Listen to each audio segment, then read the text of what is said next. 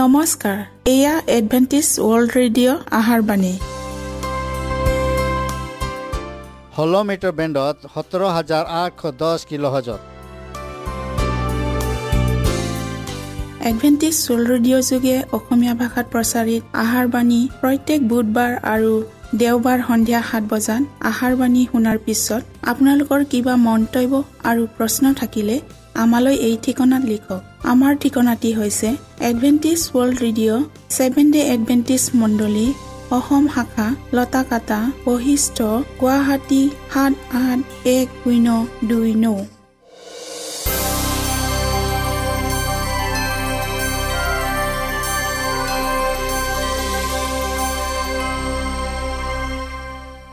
প্ৰিয় শ্ৰোতা বন্ধুসকল এতিয়া শুনো আহক এটি খ্ৰীষ্টীয় ধৰ্মীয় গীত।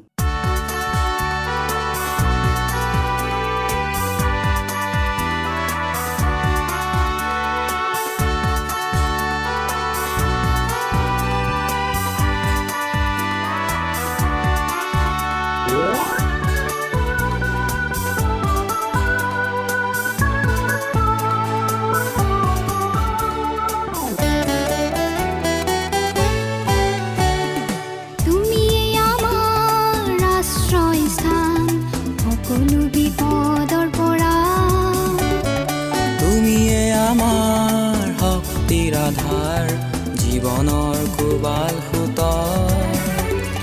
পৰা কৰোতা তুমি একমাত্ৰ ঈশ্বৰ আমাৰ। ৰক্ষা কৰোতা তুমি একমাত্ৰ ঈশ্বৰ আমাৰ। তুমিয়ে আমাৰ আশ্ৰয়স্থান। সকলো বিপদৰ পৰা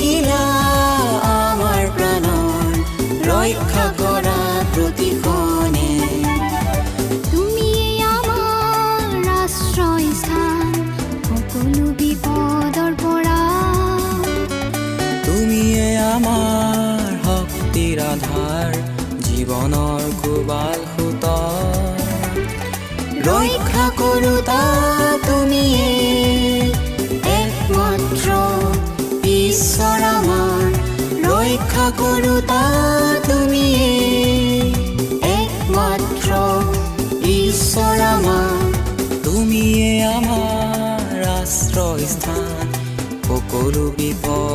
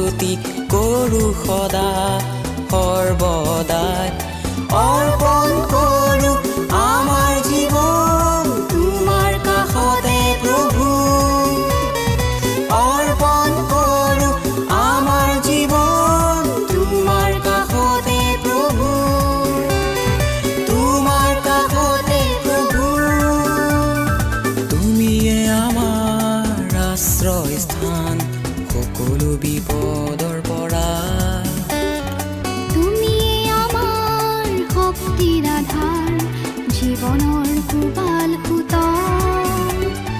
ৰক্ষা কৰোতা তুমিয়ে একমাত্ৰ ঈশ্বৰ আমাৰ ৰক্ষা কৰোতা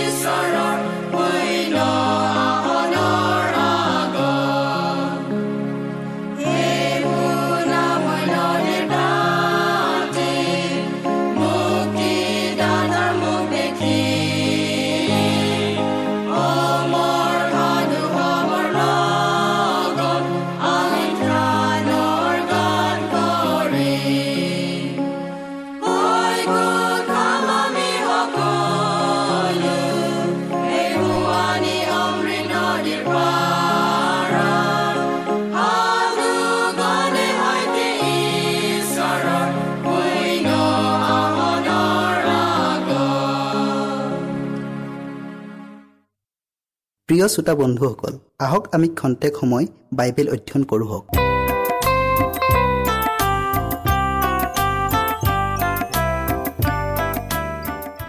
আজি আমি বিশ্ৰাম দিন পালনকাৰীসকলৰ বাবেহে সূচীকৰণ ইয়াৰ বিষয়ে অধ্যয়ন কৰোঁ হওক।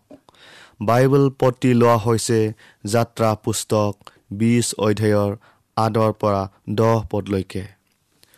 তুমি বিশ্ৰাম দিন সোঁৱৰণ কৰি পবিত্ৰ কৰা। সপ্তম দিন তোমাৰ ঈশ্বৰ যি হোৱাৰ উদ্দেশ্যে বিশ্ৰাম দিন সেইদিনা কোনোৱে একো কাম নকৰিবা। আমি প্ৰাৰ্থনা কৰোঁ হওক। সেই সৰ্বশক্তিমান প্ৰভু পুনৰাই আজি তোমাৰ বাক্য শুনিবলৈ এই সুযোগ দিলা। তাৰ বাবে তোমাক ধন্যবাদ জনাইছোঁ। প্ৰভু আমি আজি বিশ্ৰাম দিন পালনকাৰীসকলৰ বাবেহে সূচীকৰণৰ বিষয়ে অধ্যয়ন কৰিবলৈ আগবঢ়াইছোঁ। তুমি প্ৰত্যেক শ্ৰোতাৰ লগত থকা পবিত্ৰ আত্মা দান কৰা এই চুটি যাচনা ত্ৰাণকৰ্তা প্ৰভু যীশুখ্ৰীষ্টৰ নামত খুজিলোঁ। আমেন। ঈশ্বৰে নিজ বাক্যত ঘোষণা কৰিছে যে বিশ্ৰাম দিন হৈছে তেওঁ আৰু তেওঁৰ মনোনীত লোকসকলৰ মাজত থকা এটা চিন। তেওঁবিলাকৰ ৰাজভক্তিৰ এটা চিন। সপ্তম দিনটো হৈছে ঈশ্বৰৰ এটা মনোনীত দিন। ঈশ্বৰে এই বিষয়টোক এনেকৈ এৰি থৈ যোৱা নাছিল যে কোনোবা পুৰুষিত অথবা শাসনকৰ্তাৰ দ্বাৰা ইয়াক নতুন আৰ্শীত সজাবলগীয়া হ'ব। মানৱ জাতিৰ সুদ বিচাৰৰ সময়ত প্ৰয়োজন হোৱা অতি গুৰুত্বপূৰ্ণ আৰু অতি দৰকাৰী বিষয় হিচাপেহে ইয়াক এৰি থৈ যোৱা হৈছিল। ঈশ্বৰে দেখিছিল যে মানুহে নিজৰ সুবিধা অনুযায়ীহে ইয়াক অধ্যয়ন কৰিব আৰু সিহঁতৰ স্বাৰ্থত আঘাত নকৰা এনে এটা দিন বাছি ল'ব যিটোৱে কোনো ঐশ্বৰিক অনুমোদন বহন নকৰে। আৰু তেওঁ স্পষ্টকৈ কৈছিল যে সপ্তম দিনটো হৈছে প্ৰভুৰ উদ্দেশ্য বিশ্ৰাম দিন। ঈশ্বৰৰ জগতত প্ৰত্যেকজন ব্যক্তি তেওঁৰ শাসনৰ পবিত্ৰ বিধানৰ বশীভূত হয়। ঈশ্বৰে বিশ্ৰাম দিনটোক দ আজ্ঞাৰ বুকুৰ মাজত স্থান দিছে। আৰু ইয়াক বাধ্যতা যোগ কাটি কৰি থৈছে। ইয়াৰ যোগেদি তেওঁৰ কাৰ্যবোৰত আৰু তেওঁৰ বাইকত যিবোৰ পৰাক্ৰম দেখুওৱা হৈছে তেওঁৰ সেইবোৰ শক্তিক আমি জানিব পাৰোঁ। যি দিনটোক পবিত্ৰ কৰাৰ কোনো প্ৰমাণ নাই আৰু যি দিনটোক তেওঁৰ উপাসনা কৰিবলৈ কোনো ঐশ্বৰিক নিৰ্দেশ দিয়া হোৱা নাই। এনে এটা দিনক পালন নকৰাকৈ ঈশ্বৰৰ কাৰ্য আৰু তেওঁৰ বিধানৰ সম্পূৰ্ণ বিপৰীতে যাবলৈ মানুহে স্থিৰ সিদ্ধান্ত ল'ব নোৱাৰে। যিসকলে ঈশ্বৰৰ পবিত্ৰ বিশ্ৰাম দিনৰ পৰিৱৰ্তে এটা অসত্য বিশ্ৰাম দিন স্থাপন কৰাৰ দ্বাৰাই ঈশ্বৰৰ বিধানক কুলসিত কৰিলে আৰু যিসকলে এই মিছা বিশ্ৰাম দিনটোক পালন কৰিবলৈ বাধ্য কৰাইছে তেওঁবিলাকে নিজকে ঈশ্বৰতকৈ ডাঙৰ কৰিছে আৰু প্ৰকৃত বিশ্ৰাম দিনটোতকৈ নকল বিশ্ৰাম দিনটোক অধিক মান সন্মান আৰু ভক্তি কৰিছে। এটা নকল বিশ্ৰাম দিনৰ নিমিত্তে যিসকলে ঈশ্বৰৰ পবিত্ৰ বিশ্ৰাম দিনটোক অৱজ্ঞা কৰিলে তেনে তথাকথিত খ্ৰীষ্টানে সূচীকৃত হ'ল বুলি দাবী কৰিছে। কিন্তু ঈশ্বৰে ঘোষণা কৰিছে যে তেওঁৰ পৰা অহা এই সূচীকৰণ সেইবিলাককহে দান কৰা হয়। যিবিলাকে তেওঁৰ বিধান পালনৰ দ্বাৰাই তেওঁক মান সন্মান আৰু ভক্তি কৰে। নিতৌ তেওঁৰ বিধান ভংগ কৰিও যিসকলে সূচীকৃত হলো বুলি দাবী কৰে তেনেধৰণৰ সূচীকৰণ নকলহে আন একো নহয়। এইদৰে আধ্যাত্মিক জগতখনক সেই মহাশত্ৰুজন যিজন ঈশ্বৰ আৰু মানুহ উভয়ৰে শত্ৰু সেই চৈতানৰ দ্বাৰা প্ৰবঞ্চনা কৰা হৈছে। প্ৰিয় শ্ৰোতাসকল মানুহে বহু আৱিষ্কাৰ কৰিলে। তেওঁবিলাকে এনে এটা সাধাৰণ দিন বাছি ল'লে যি দিনটোক ঈশ্বৰে পবিত্ৰ কৰা নাই। আৰু যি দিনটোক তেওঁ বিশেষ ক্ষমতাৰে অলংকৃত কৰা নাই। তেওঁবিলাকে ইয়াক এটা পবিত্ৰ দিন বুলি ঘোষণা কৰিলে। কিন্তু এই কাৰ্যই পবিত্ৰতাৰ কোনো চিন দিব পৰা নাই। মানুহে বনোৱা এটা অনুষ্ঠানক গ্ৰহণ কৰাৰ দ্বাৰাই আৰু ঈশ্বৰৰ দ্বাৰা অনুমোদিত নোহোৱা এটা দিনক খ্ৰীষ্টানৰ বিশ্ৰাম দিন বুলি জগতত পালন কৰিবলৈ বাধ্য কৰাৰ দ্বাৰাই তেওঁবিলাকে স্বয়ং ঈশ্বৰকে অৱজ্ঞা কৰিছে। সিটো পদে তিনি অধ্যায়ৰ ছয় পদটো আমি পঢ়োঁ হওক। তোমাৰ সকলো কাৰ্যত তেওঁক স্বীকাৰ কৰা। তাতে তেওঁ তোমাৰ পদবোৰ সমান কৰিব। আমাৰ সকলো কাৰ্যতে ঈশ্বৰক স্বীকাৰ কৰা উচিত।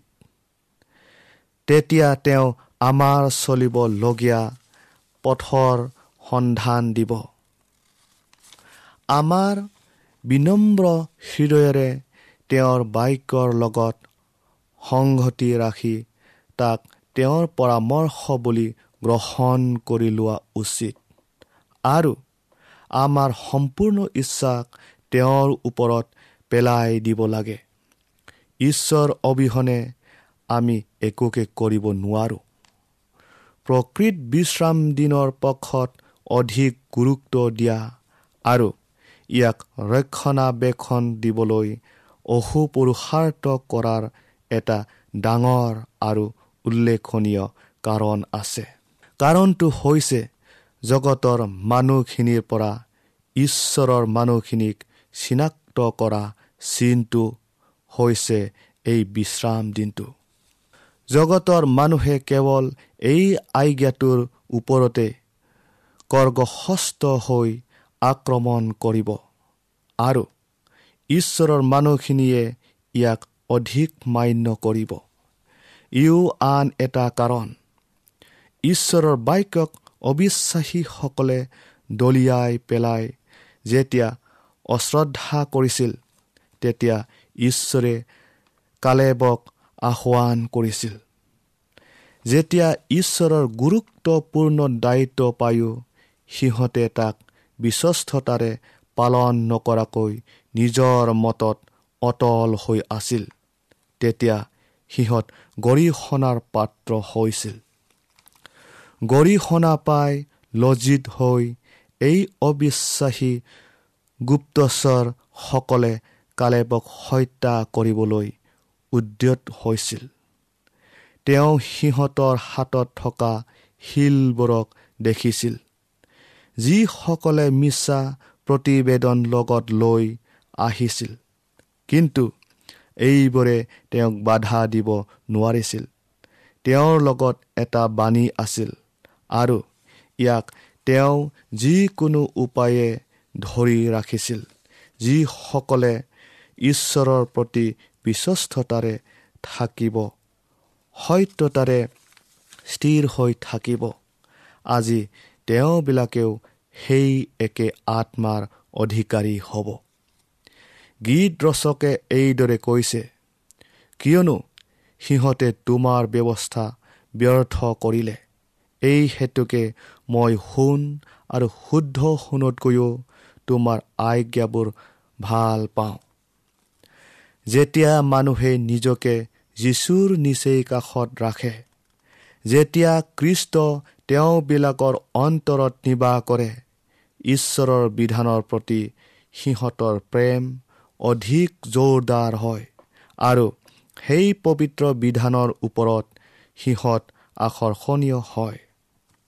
এনে অৱস্থাতে প্ৰকৃত বিশ্ৰাম দিনৰ বিষয়ে তেওঁবিলাকক হাতে কামে আৰু কিতাপেৰে আৰু মুখেৰে শিকাব লাগে। চতুৰ্থ আজ্ঞাটোক যেনেদৰে অৱজ্ঞা আৰু অশ্ৰদ্ধা কৰে তেনেকৈ যিসকলে ইয়াক পালন কৰে তেওঁবিলাককো এনে ব্যৱহাৰ কৰিলেও বিশ্বাসীসকলে এনে সময়ত নিজৰ বিশ্বাসক লুকাই নাৰাখি। ঈশ্বৰ জিহুৱাৰ বিধানক নিচান তুলি উত্তোলিত কৰিব লাগে। যিটোক তৃতীয় স্বৰ্গদূতৰ বাণীত বৰ্ণনা কৰা হৈছে। সেই ঈশ্বৰৰ আজ্ঞা আৰু যীশুৰ বিশ্বাসক ত্বৰাম্বিত কৰিব লাগিব।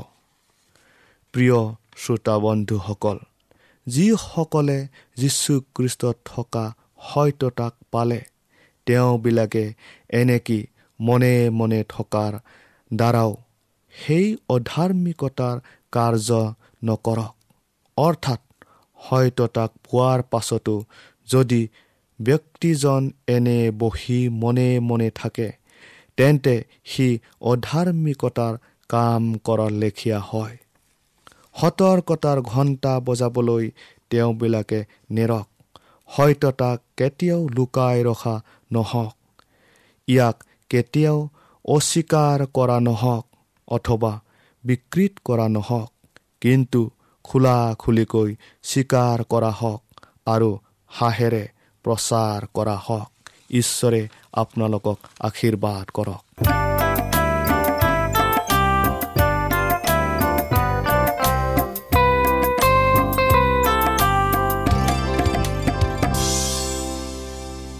ইমানপুৰে আমি বাইবেল অধ্যয়ন কৰিলোঁ। এতিয়া আকৌ শুনো আহক এটি খ্ৰীষ্টীয় ধৰ্মীয় গীত।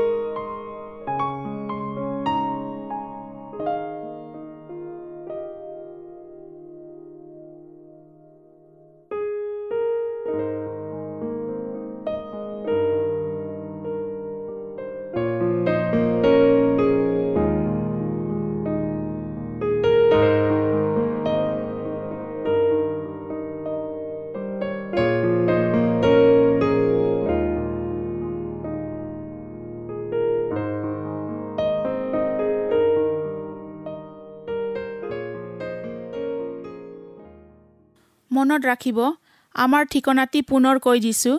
Adventist World Radio' Assam region of seven day Adventist voice of hope Lotakata Basistha Guwahati seven eight one zero' two nine প্ৰিয় শ্ৰোতা বন্ধুসকল এডভেণ্টিজ ৱৰ্ল্ড ৰেডিঅ' যোগে আহাৰবাণী প্ৰচাৰত আপোনালোকক পুনৰ লগ পোৱাৰ আহাৰে আজিলৈ সামৰিলোঁ।